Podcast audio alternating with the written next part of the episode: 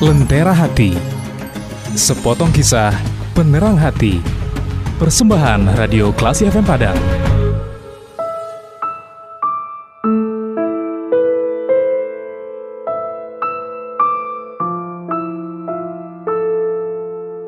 Assalamualaikum warahmatullahi wabarakatuh.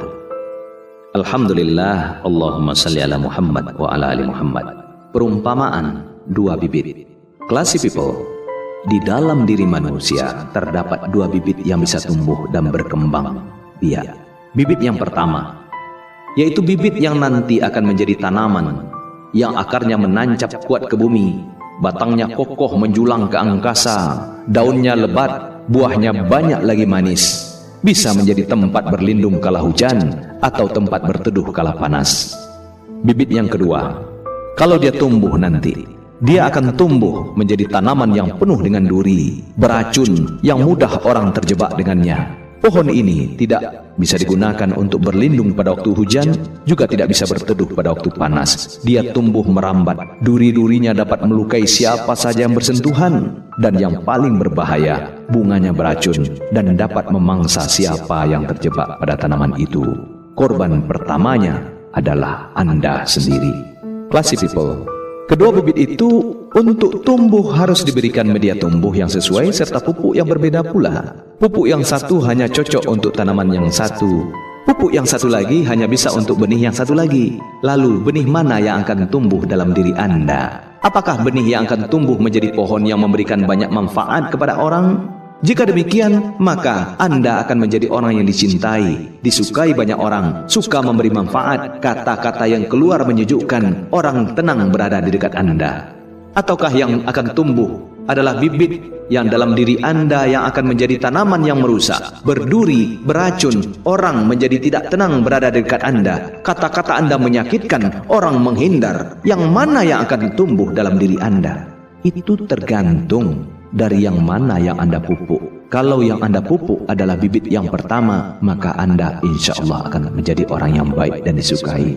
Tetapi seandainya yang Anda sirami, yang Anda rutin pupuk adalah tanaman yang kedua, maka Anda akan menjadi orang yang tidak disukai orang lain, menyengsarakan, merusak sana, merusak sini. Benih yang baik akan tumbuh jika Anda beri pupuk yang baik.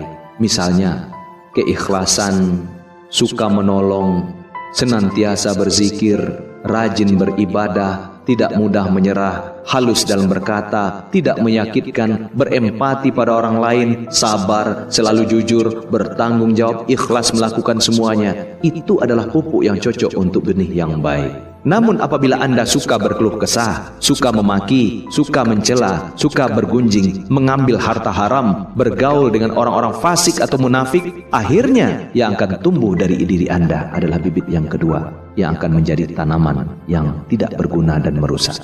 Jadi akan tumbuh tergantung yang mana yang Anda pupuk. Kalau mau selamat, peliharalah benih yang baik dan jangan biarkan tumbuh benih yang tidak baik. Mari kita simak dalam surat Asy-Syam ayat 8 sampai 10 di mana Allah berkata fa'alhamaha fujuraha wa taqwaha. Maka Allah mengilhamkan kepada jiwa itu kefasikan dan ketakwaannya. Sesungguhnya beruntunglah orang yang mensucikan jiwa itu dan sesungguhnya merugilah orang yang mengotorinya. Classy people mari kita sadari bahwa di dalam diri kita ada keduanya karena itu pupuklah bibit yang baik dengan segala macam bentuk kebaikan. Saya Hen Maidi, mari berusaha menjadi insan sejati. Assalamualaikum warahmatullahi wabarakatuh.